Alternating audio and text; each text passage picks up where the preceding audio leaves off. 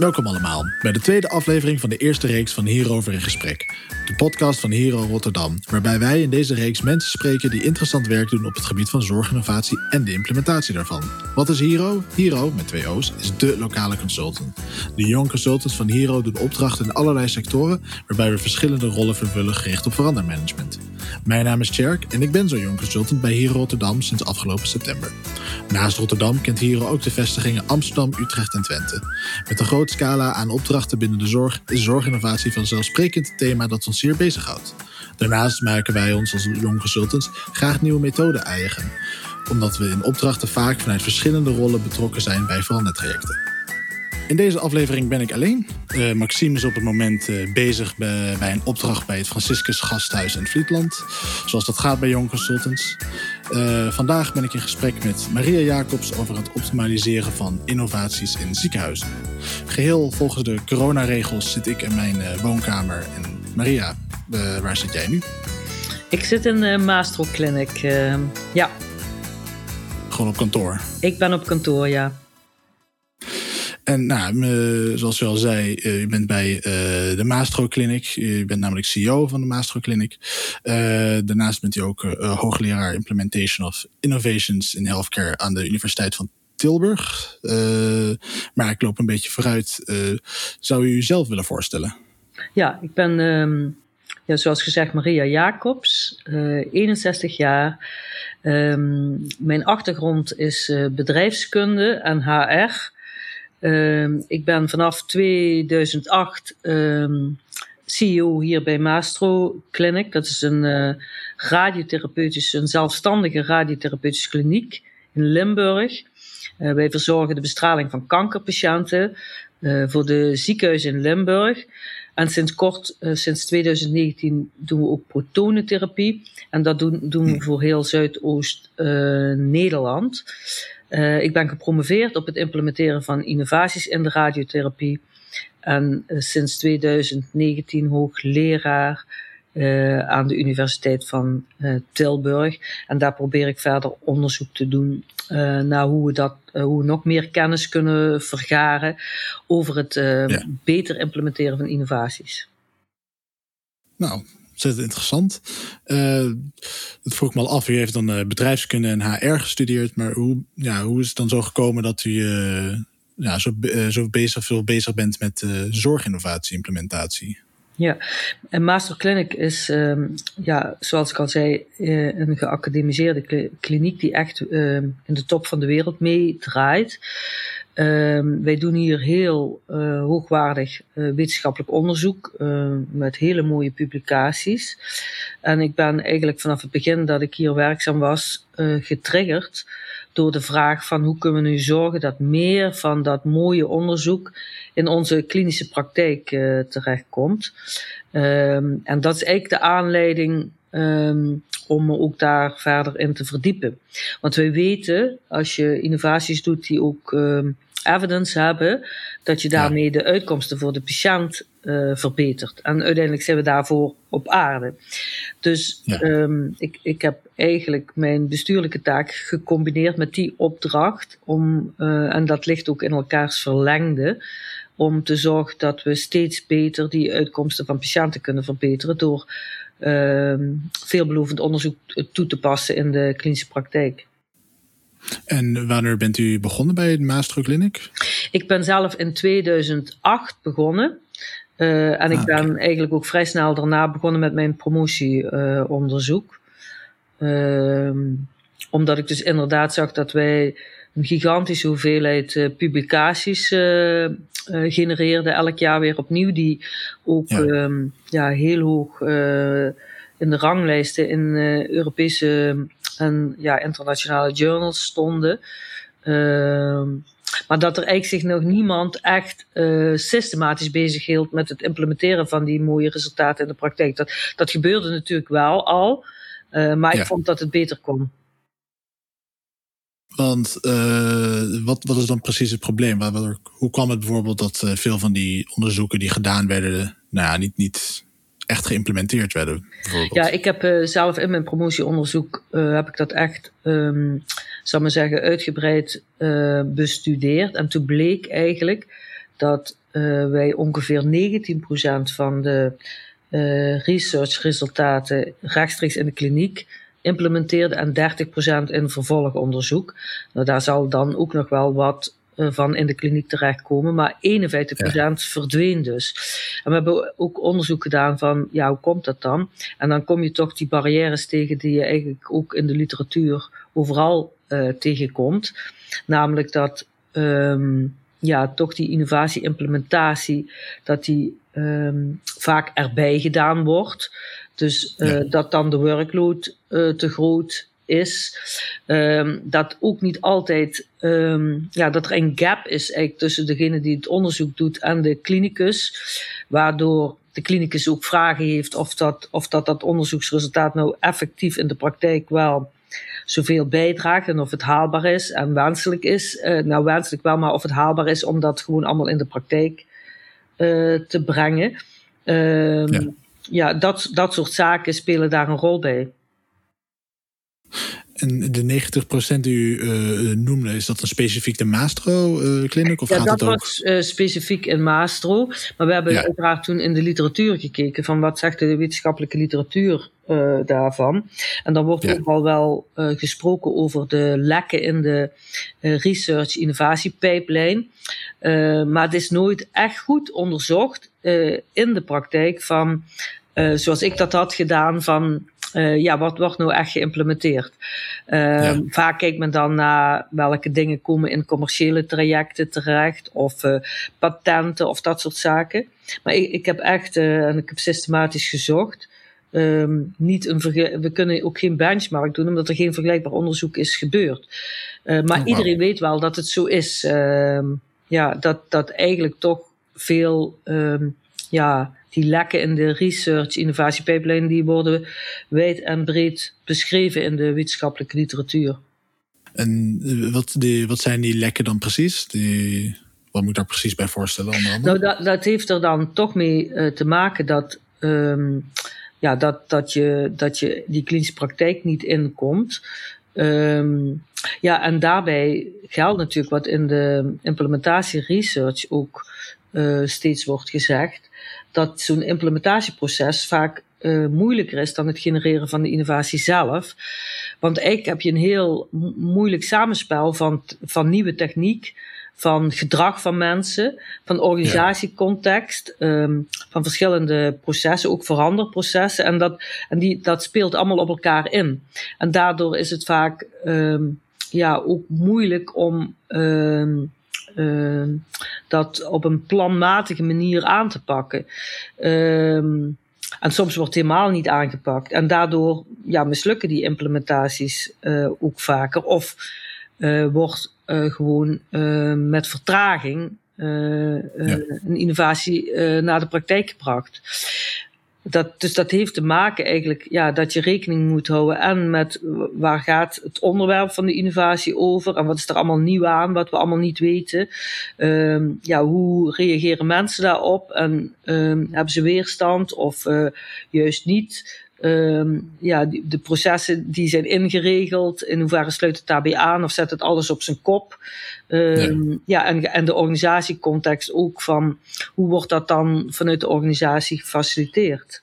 Maar waar zou je zeggen dat dan, uh, als er bijvoorbeeld echt een, een specifieke oorzaak hiervan zit, dat echt, uh, waar zit dan eigenlijk precies het probleem? Zit het dan meer echt in nou, de, de, de vertaalslag van het klinisch onderzoek en dat uh, goed organisatorisch op te pakken? Of is dat een meer menselijk probleem? Of?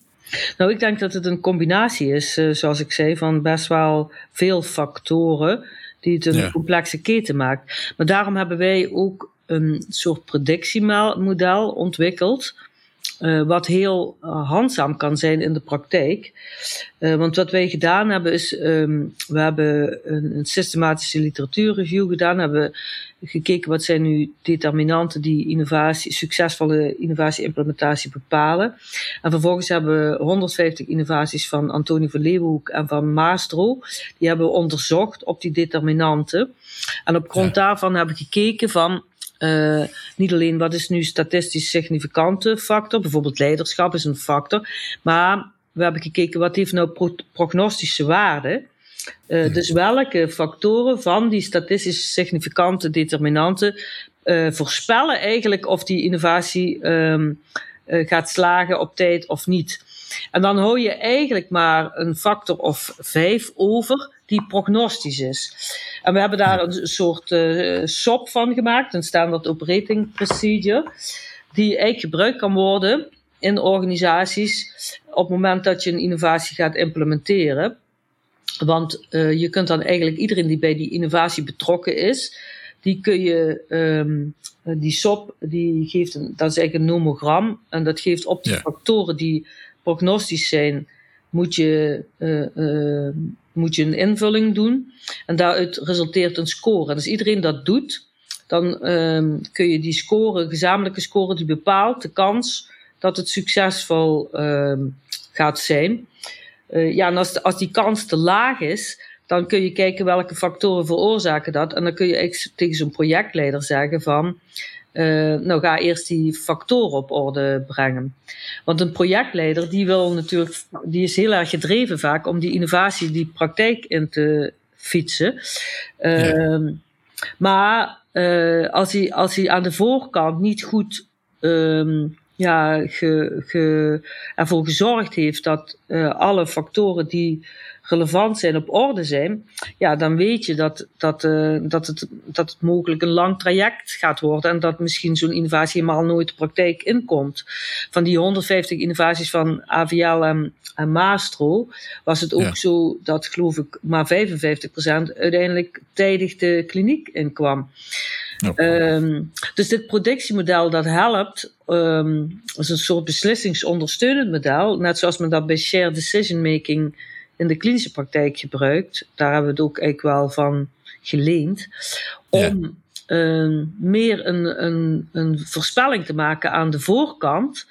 Uh, of uh, je alles gedaan hebt wat je moet doen. Om te zorgen ehm, dat je zo'n implementatieproces goed laat lopen. En het zijn maar een stuk of vijf factoren, dus die heb je ook snel gescoord. Dus dat, dat kun je heel makkelijk doen. Ja. Dus dat kan helpen. Uh, want meestal ja, zijn we dan zo gedreven om een bepaalde innovatie te realiseren. Dan beginnen we gewoon. En dan gaandeweg het traject.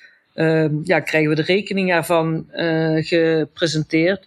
Dat we eigenlijk onvoldoende resources hebben ge, ge, yeah. geregeld. Dat, dat bijvoorbeeld toch bepaalde mensen nog vraagtekens hebben over het, of het nou wel zo zinvol is wat we gaan doen. Dat hebben we niet opgeruimd. of het is een heel complex project ja, en we hebben dat niet, die complexiteit niet ontleed genoeg. Door, um, nou ja, door dat aan de voorkant goed te doen, weet je dat je een beter traject doorloopt. En wat, wat want je had het over vijf uh, specifieke factoren. Wat zijn deze specifieke factoren? Ik hoorde je al de, uh, nou, het leiderschap noemen. Ja, leiderschap is statistisch significant, maar die is niet prognostisch. Met andere woorden, die voorspelt niet of je nou tijdige innovatie-implementatie hebt. Dus dat wil ah, niet zo. zeggen dat die niet relevant is, maar het is geen ja. prognostische factor. Nee, in, um, in ons model is dat eigenlijk het type innovatie. Hè? Uh, ja. We weten al dat bijvoorbeeld een organisatorische innovatie uh, en een technische innovatie, dat je daar meer kans op succes hebt dan een behandelinnovatie. Dat heeft natuurlijk, dat moeten we ook nog goed onderzoeken, hoe komt dat nu? Maar dat heeft te maken met een behandelinnovatie, denk ik ook vaak uh, ja, allerlei andere aspecten, zoals veiligheid een rol uh, spelen. Maar dat ja. is een belangrijke. Maar voor, voor, het, de allerbelangrijkste is resources, dat je resources op orde hebt. Dat je uh, voldoende en competent, competente medewerkers dus hebt om het project uit te voeren. Dat de doelen van het project en het proces zodanig goed gecommuniceerd zijn dat uh, degenen die dat project moeten implementeren, dat heel goed op het netvlies hebben. Dat ja. die innovatie haalbaar en wenselijk wordt geacht. Dat daar geen vragen over zijn. en dat je de complexiteit hebt proberen te reduceren. Door het bijvoorbeeld het project op te knippen in deelprojecten als er sprake is van een complex uh, project. Nou, dat zijn eigenlijk de factoren in het uh, productiemodel. En als je die laat scoren, uh, in hoeverre dat die op orde zijn voor het project start, ja. ja. kun je daarmee de kans op een wetenschappelijk onderbouwde manier de kans op succes berekenen. En ook kijken welke factoren moet ik dan nog iets aan doen. En het is dan natuurlijk wel relevant dat niet alleen de projectleider dat invult, maar dat eigenlijk iedereen die betrokken is dat invult. Inderdaad, om weer algeheel beeld te krijgen. Dat er niet te vertekend is, lijkt ja. mij. Nou, we hebben dit model hebben gevalideerd intern op data van Maastro en van Antonie Verleeuwhoek. We zijn het nu extern aan het valideren in het LUMC. Uh, Omdat je natuurlijk zo'n predictiemodel ja, moet je op meerdere datasets uh, valideren. Uh, en we willen het eigenlijk ook nog buiten de radiotherapie valideren. Ehm, zodat je ook weet, het geldt eigenlijk generiek voor de hele uh, ja. keuzorg. Ja, want dat is nog iets wat ik me afvroeg inderdaad. Want geldt het inderdaad alleen voor de, de radiotherapie... of wordt het al breder toegepast buiten de, het Maastro en uh, het Antonie van Leeuwenhoek? Nee, normaal um, mogen we dit eigenlijk pas toepassen als het ook extern gevalideerd is. Hè? Uh, ja. Dus wij doen het in Maastro wel al. Maar we hebben echt nog die externe validatie nodig van het LMC om te zeggen van ja, nu kun je het breed gaan toepassen. Uh, en de hypothese is dat het ook geldt voor de rest van de ziekenhuiszorg, want die factoren, ja, je hebt ze me net horen noemen, die zijn niet radiotherapie specifiek. Maar ja, die validatie gaan we ook nog doen, uh, waarschijnlijk hier in het MUMC, om te kijken van, komt er hetzelfde uit, hè? Uh, hmm. Ja, maar ja, dit is ook wat je gewoon in de, liter in de literatuur vaak als meest uh, statistisch significant. Je hebt natuurlijk heel veel wat statistisch significant is. Maar ja. Um, ja, het gaat dan ook om wat, die, wat is dan ja, het zwaarst, wat weegt het zwaarst daarin. En dan kom je bijvoorbeeld resources kom je overal tegen. Um, ja. Ja, dus, dus in die zin is het ook wel weer niet uh, dat ik zeg, uh, nou dat, dat, dat wisten we nog niet. Alleen we doen het nooit, hè. Ja, en het predictiemodel is natuurlijk wel, wel ook nieuw, dat we er echt een prognostisch model van hebben gemaakt. Hoe bedoelt u? Het, het uh, werkt nog niet als prognostisch model? Of? Nee, dit is voor het eerst, zal ik maar zeggen, in de wetenschappelijke literatuur. Kijk, als, ja. je, als je naar de wetenschappelijke literatuur kijkt, dan zie je duizenden studies. En dan kom je op een determinant of misschien wel veertig uit die ergens wel eens ooit statistisch significant zijn geweest. Maar ja, daar kun je niet mee werken hè, met 40 de determinanten. Ah, zo, ja. Dus wij hebben daar nu een soort predictiemodel van gemaakt. Dus we hebben echt, zoals je dat ook in de ja, shared decision making hebt in de patiëntenzorg, waarbij ze uh, uitslagen van patiënten koppelen aan behandelingen en daarmee een voorspelling maken bij bepaald type patiënt welke behandeling het beste werkt. Ja, dat hebben we, dat kunstje hebben we eigenlijk hiernaar uh, vertaald. En dat is wereldwijd nog nooit gebeurd. En dat je dus ook een instrument hebt um, om te zeggen van hier ga ik um, beslissingsondersteunend ga ik dat inzetten om uh, mijn innovatie-implementatiesucces te vergroten. Uh, nee, dan is het duidelijk. En uh, wordt die, nou, die voorspellende die stappen en die prognostische de onderzoek dat hij heeft gedaan, wordt het, ik snap dat het nog wel nou, verder extern wordt uitgezocht, maar wordt het bijvoorbeeld binnen het Maastro al wel veel gebruikt? Ja, wij, wij zijn het nu al aan het gebruiken. Ja. Ehm, omdat we natuurlijk weten als, als, we dit, als we dit niet doen. Kijk, bij Master werkt het, dat weten we, want dat hebben we uitgezocht. Ja. Uh, je, je doet het nu op een andere dataset valideren om te kijken of het ook elders werkt. Hè. Het werkt bij ja, Master, ja. het werkt bij Antonie van Leeuwenhoek. Maar nu wil je natuurlijk ook weten, werkt het ook bij uh, andere radiotherapiecentra. En daarvoor moet je, maar zeggen, qua methodologie, moet je het valideren op een andere dataset. Maar bij, bij Maastro weten we dat het gewoon werkt, want daar komt het vandaan. Hebben jullie dan ook gemerkt dat uh, de hoeveelheid succesvol geïmplementeerde innovaties echt uh, omhoog is gegaan? Ja, niet met dit uh, productiemodel, want dat, ja, dat hebben we pas net gepubliceerd. Hè? Ja, uh, ja. Dus daar zijn we net pas mee begonnen. Maar we zijn wel vanaf, twee, vanaf mijn onderzoek dat we maar uh, 49% zal maar zeggen, of dat 51% van de publicaties um, ja, niet verder kwam dan de publicaties, zijn we wel gaan sturen op factoren. Ja die dat kunnen bevorderen. Uh, en, en we zien dan wel inderdaad dat wij al gestegen zijn naar boven de 25%, wat direct geïmplementeerd wordt. Um, dus, dus ja, uh, het is wel stuurbaar. Uh, dus um, ja, dat, dat is wel onze bevinding. Ja. Maar we doen natuurlijk nog meer dingen op vlak van onderzoek om te kijken wat werkt allemaal. Uh, en dat heeft wel natuurlijk een relatie. Wij werken bijvoorbeeld in Master ook met innovatieteams.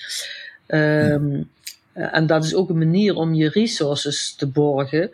Um, en dat betekent eigenlijk dat we zeggen ja, dat we mensen die we voor een bepaald innovatieproject nodig hebben, dat we die um, ja, eigenlijk uh, op bepaalde, uh, bepaalde weken in het jaar, dat we die vrij plannen om met elkaar een bepaalde mijlpaal in dat uh, implementatietraject te halen. Dus uh, ja, daarmee dien je twee factoren uit dat productiemodel. Want je gaat niet zeggen van, ja, je moet tegen dat hele project aankijken, maar we, we, we definiëren tussenstappen. En dan zeggen we, uh, die tussenstap die is haalbaar om in een week af te krijgen. Dat wordt ook door de innovatieteamleden dan onderschreven. En dan gaan we zorgen dat die innovatieteamleden in die week vrijgepland worden om dat resultaat te bereiken. En dat ze dus ook niet teruggeroepen worden naar de kliniek. Um, maar dat, um, en je hebt natuurlijk niet iedereen een hele week nodig. Maar je nee. doet dan bijvoorbeeld dokters op bepaalde tijdstippen al vooraf vrijplannen dat ze feedback kunnen geven op de projectvoortgang. En laboranten heb je dan vaak wel een hele week uitgepland. Ja, dan ja. heb je eigenlijk je resources geborgd. Dus dan heb je al één die factor uit dat productiemodel geborgd. Maar je hebt ook um, ja, de complexiteit gereduceerd door tussenstappen te definiëren. Nou, of, of uh, wij vinden zelf die innovatieteams uh, heel succesvol. Dat zijn dus ook ja, niet structurele teams, maar dat zijn teams die rond, dat zijn gewoon mensen die normaal in de kliniek werken, maar die dan op bepaalde ja. weken aan die innovatie werken. Uh, maar dat zijn we bijvoorbeeld nu ook wetenschappelijk aan het um, onderzoeken. Of, um, of we dat ook kunnen generaliseren naar andere situaties. Inderdaad, dus jullie maken echt structureel tijd vrij voor ja. uh, werknemers om om, ja. om zich te focussen op zowel borging als innovatie. Ja, en eigenlijk ben je dan tegelijkertijd met dat predictiemodel bezig, maar je bent ook bezig met, uh, ja, vanuit de andere invalshoek bekeken van hoe organiseer ik nu succesvolle innovatie-implementatie. Um, doe ik dat uh, dedicated via zo'n innovatieteam? Um, of doe ik dat um, projectmatig um, tussen de bedrijven door? Hè? Uh, ja. Nou, dat zijn ook vraagstukken. En doe ik het agile, hè, met sprints ja. van weken? of doe ik dat op een andere manier? Nou, dat, ja, eigenlijk, dat is vanuit een andere invalshoek ben je dan aan het onderzoeken. Maar je ziet toch weer dat je bij diezelfde predictiefactoren ook uitkomt. Hè? Ja. Uh, want dat je dan een organisatievorm kiest waar je uh, resources geborgd hebt, je complexiteit gereduceerd hebt, uh, dat je afgestemd hebt met de mensen dat het haalbaar is in één week om een bepaald resultaat te bereiken. Dus uh, ja, dat is eigenlijk, aan, is eigenlijk meer een andere invalshoek, maar het komt er op hetzelfde neer. Hè? Ja, inderdaad. Want is dit bijvoorbeeld heel erg anders dan uh, het er meestal aan toe gaat bij ziekenhuizen? Ja, ik denk dat nog heel weinig in innovatieteams wordt gewerkt met sprints en zo. Hè? Je ziet ja. vaak toch dat um, vaak innovaties in de ziekenhuizen uh, projectmatig worden aangepakt. Uh, en dan worden er vergaderingen gepland om de voortgang te bespreken. En de mensen moeten dan tussen die vergaderingen door proberen iets te realiseren. En dan, ja, dan zie je vaak dat um, dat dat vertraging oplevert, omdat dan uh, een laborant die is dan net vrij om iets uit te zoeken of een verpleegkundige. Maar ja, dan moet, moeten ze een, een fysicus hebben en dan is die fysicus niet beschikbaar. Ja, wij hebben aan de voorkant dan geregeld dat in die week uh, iedereen aan dat tussenresultaat werkt. Dus ik, ik, denk dat dat toch redelijk uniek is. Uh, Antonie van Leeuwen doet het trouwens ook zo. Uh, maar ik weet niet of het. Um, ik, ik heb niet de indruk, althans die krijg ik niet, maar ja, ik heb niet onderzocht. Ja. Dat dat in veel ziekenhuizen al de normale praktijk is om uh, innovatie-implementatie vorm te geven. Nee, inderdaad. Dus dan wordt het. Andere ziekenhuizen zal het iets meer zijn van: oh ja, je moet het er nog even bij doen of even tussendoor. Niet zozeer gelijk echt de tijd voor vrijgemaakt. In de IT is dit natuurlijk toch al een werkwijze met die sprints, met die ja. uh, agile manier. Die komt eigenlijk Um, of ja, die is in de IT al vroeg um, toegepast. Hè? Met ja, die uh, bimodulair organiseren noemden ze het vaak. vaak. Gartner had er ook een heel model voor, voor de ambidextrous organisatie. Dus in de IT gebeurt het wel vaker, maar zo met um, andersoortige innovaties heb ik het nog niet veel gezien in de ziekenhuiswereld. Zit daar een reden achter, denkt u? Ja, ik denk ook dat dit een innovatie op zichzelf is. Hè? Over hoe pakken we die implementatie aan? Dat, dat, echt, dat we dat echt moeten promoten ook. Hè? Dus daarom wil ik ook dat onderzoek doen om aan te tonen dat dat betere manieren zijn om je innovatie-implementatie te organiseren.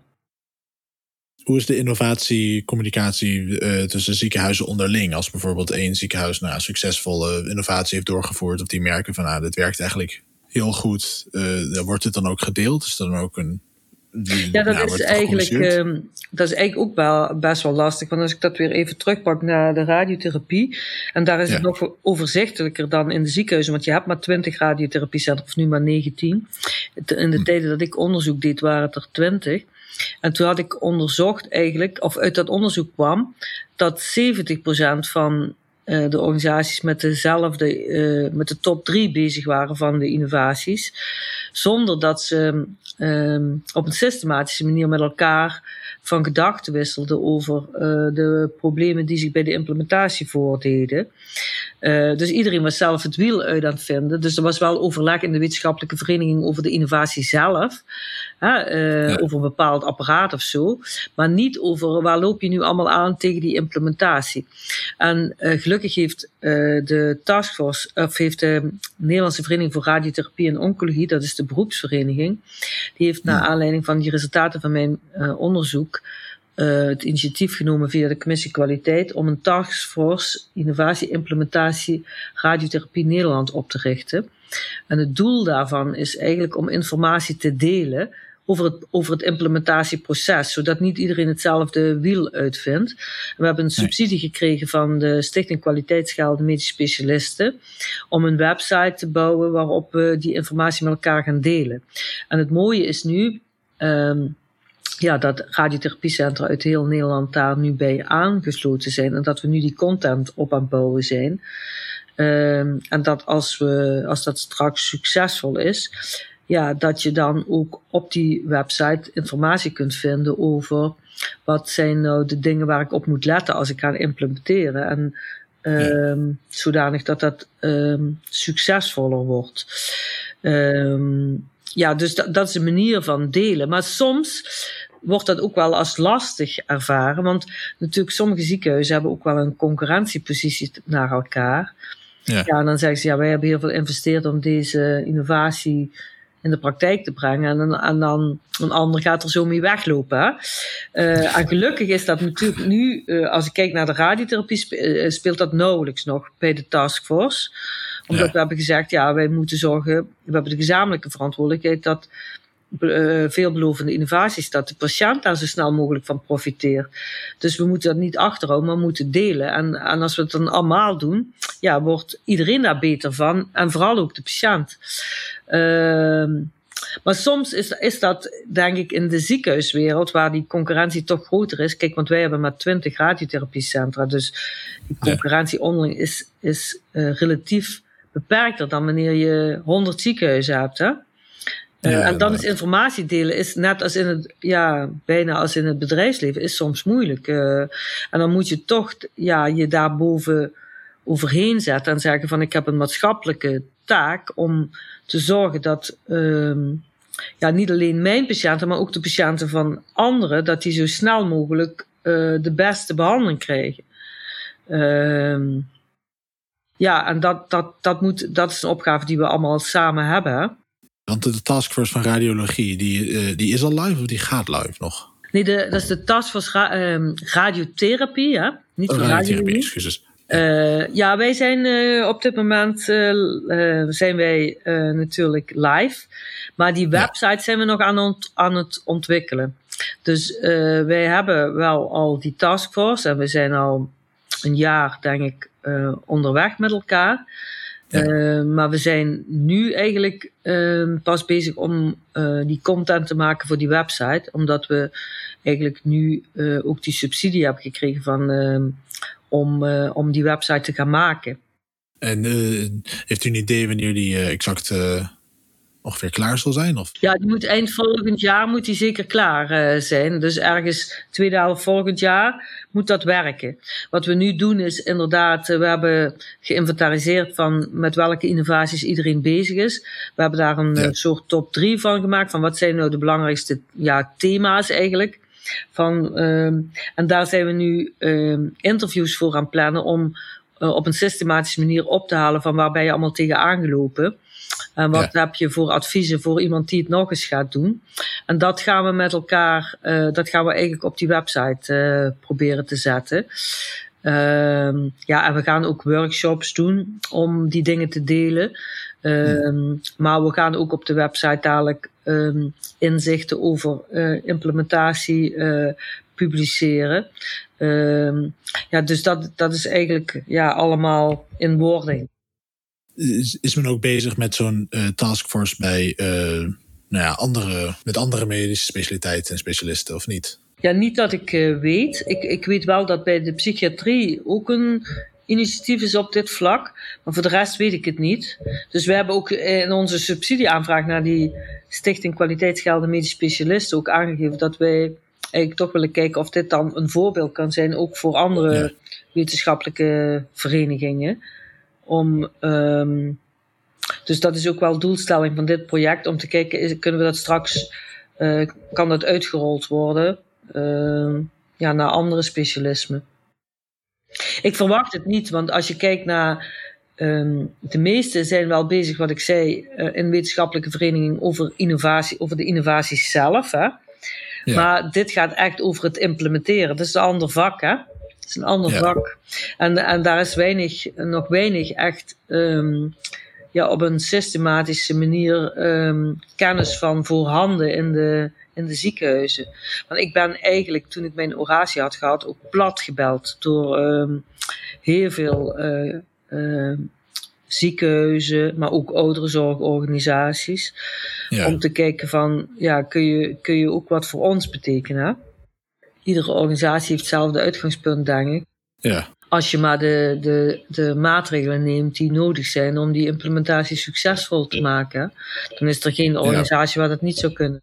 Zijn er bijvoorbeeld, nou ja, verder qua implementeren dat u echt denkt, of met het implementeren van innovaties, echt duidelijke dingen die vaak fout gaan, bijvoorbeeld, zover als u weet, uh, of binnen radiotherapie? Heel vaak uh, fout gaan is misschien een groot woord.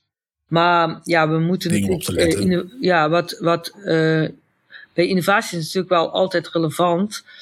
Um, dat die innovatie ook echt die patiënt verder helpt. Hè?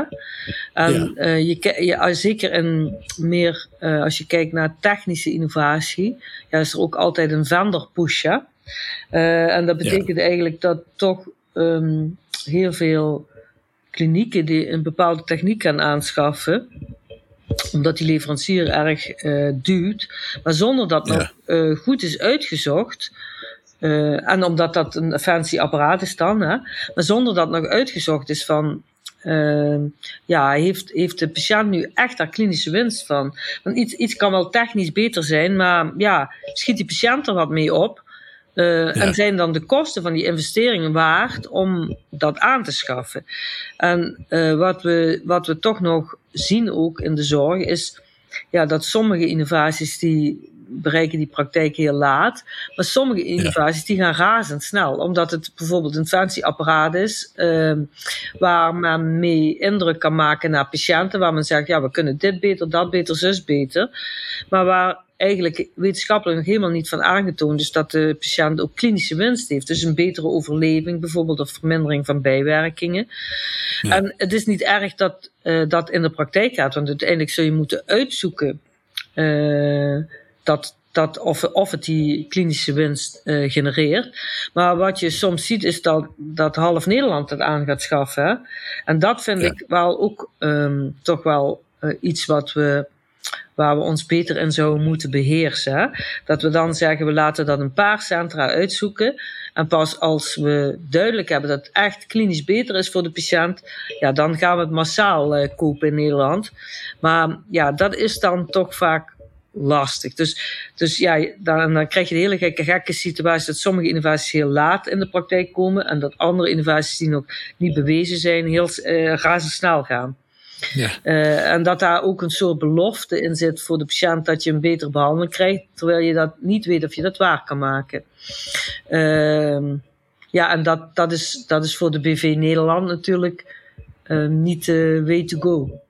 Nee, dat, ik kan me voorstellen dat dat voornamelijk een beetje uh, het probleem is dat, uh, dat er misschien niet een soort van overkoepelende uh, gedachte achter zit. Dat alle ziekenhuizen samen denken, nou laten we het hier en hier en hier uitproberen. Ja. Omdat, zoals, je zelf, zoals je zelf eerder ook zei, van ja, we willen zo snel mogelijk innoveren. En dit is nou ja, een, een nieuw fancy apparaat. Ja. Ja. Nee, dat klopt. Dat, is, dat vind ik wel ook een punt waar... Ehm, Um, eigenlijk, um, ja, bij Maastro hebben we nu een erkenning gekregen als topklinische functie. Dat hebben we maar um, buiten de academische centra uh, was, is er de mogelijkheid gekomen vanuit VWS om uh, aanvraag te doen om topklinisch centrum of een topklinische functie uh, gerealiseerd te krijgen. Daar zat ook een zak geld aan. En dat is eigenlijk als je patiëntenzorg, onderzoek en onderwijs duurzaam verankerd hebt in je organisatie. Waarbij, ja, uh, ja want, want uh, normaal ziekenhuizen komen niet in aanmerking voor de academische financiering.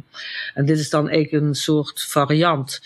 Um, nou, wij hebben, wij hebben gelukkig ook als enige radiotherapiecentrum in Nederland hebben wij die um, topklinische functie gekregen. En een onderdeel daarvan is ook dat we zeggen, ja, wij willen kost, uh, innovatie koppelen aan kosteneffectiviteit. Dus uh, wij willen niet dat alleen met de innovatie een uitspraak wordt gedaan over uh, wat is de waarde daarvan in termen van uitkomsten voor de patiënt, maar ook is die kosteneffectief. Ja. met andere woorden, de investeringskosten mag je die maken omdat de, de, de effectiviteit van de innovatie aantoonbaar is. En, en dat is natuurlijk iets wat we ook meer moeten gaan doen naar de toekomst toe. Je ziet het eigenlijk op dit moment in de Verenigde Staten en de UK al ja. erg in opmars. Um, wij, hebben die, wij hebben nu die uh, eh, TZO-subsidie gekregen. Dus dat is ook een, een, een vorm van, van onderzoek die we nu gaan uitrollen. Om straks ook ja. beter met de verzekeraars het gesprek te voeren van... Kijk, deze innovatie die moet je die moet je ook honoreren. Hè? Uh, want hij is uh, niet alleen beter voor de patiënt, maar is ook nog eens kosteneffectief. Dus dat is ja, een laatste ontwikkeling die ik zou willen noemen. Uh, we hebben een hele grote divisie knowledge engineering. En die maakt allemaal, uh, die doet allemaal dingen met big data en artificial intelligence. Die maakt ook heel veel ja. predictiemodellen voor shared decision making. Die gaan nu proberen aan die predictiemodellen ook kosteneffectiviteitsmodellen te koppelen. Um, zodat je eigenlijk ook een betere gesprekspartner bent voor de zorgverzekeraar. En dat vind ik ook een goede ontwikkeling naar de toekomst toe. Ja, nee, zeker. Dat is wel interessant. Hoe lang eh, doen jullie al dat knowledge engineering met AI dan? Ja, dat doen we al heel lang. Hè. Zo, ik ben in 2008 bij Master gekomen, toen was die divisie er al. Maar het is natuurlijk wel, ja. in de laatste jaren is dat enorm uitgegroeid. Hè, omdat de, ja, de betekenis van big data uh, in, de, in de zorg, uh, het belang daarvan, uh, ja. ja. dat is de laatste jaren ook wel heel erg op het netvlies gekomen. Hè. Dus ik denk dat die, die divisie nu, dus een onderzoeksdivisie hier bij Maastro, dat die wel 30, 30 onderzoekers heeft uh, die zich daarmee bezighouden. Uh, is de Maastro daarin uniek of uh, komen die ook elders ook voor? Nou, ik denk dat wij wel met de hoogleraar die dat trekt en zijn, zijn team, dat wij wel, uh, ik durf niet te zeggen uniek, maar ja, in Nederland is hij, is hij, is hij, is die hoogleraar wel, uh, die heeft een, die heeft wel een reputatie en naam. Uh, ja. Dus dat, dat, dat is wel, ik denk wel een, ja, ik, ik, ik, ik beschouw het wel als een unieke resource die Maastro heeft, ja. Is er nog iets wat jij mogelijk aan de luisteraars wilt meegeven?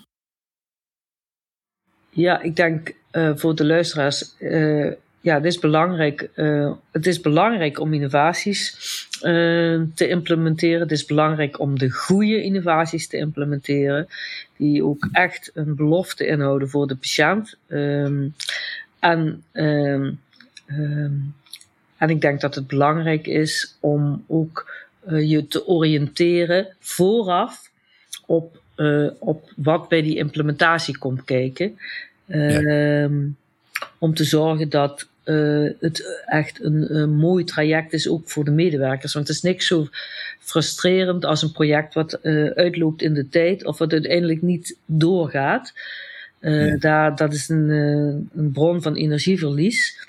Dus je kunt energie in je organisatie krijgen um, als je zorgt dat je aan de voorkant dat goed um, faciliteert. Oké, helder. Nou, dan Maria, uh, heel erg bedankt voor uh, nou, je, je, komst. je komst naar deze virtuele studio. Uh, ik vond het een, echt een zeer interessant en verhelderend gesprek. En ik kijk uit naar alle, alle innovaties die Maas gewoon nog meer gaat ontwikkelen in de toekomst. Naar het succes van de taskforce. Ja, nou, dankjewel. Graag gedaan. Dit was hierover in gesprek met Maria Jacobs. Wil je meer over Maria Jacobs of het Radiotherapiecentrum Maastro weten? Kijk dan op www.maastro.nl. Zin in meer?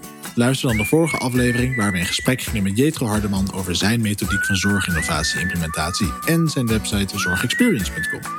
Wil je meer weten over Hero of wat wij doen als Jong Consultants? Kijk dan op onze website hero.nl of op onze socials.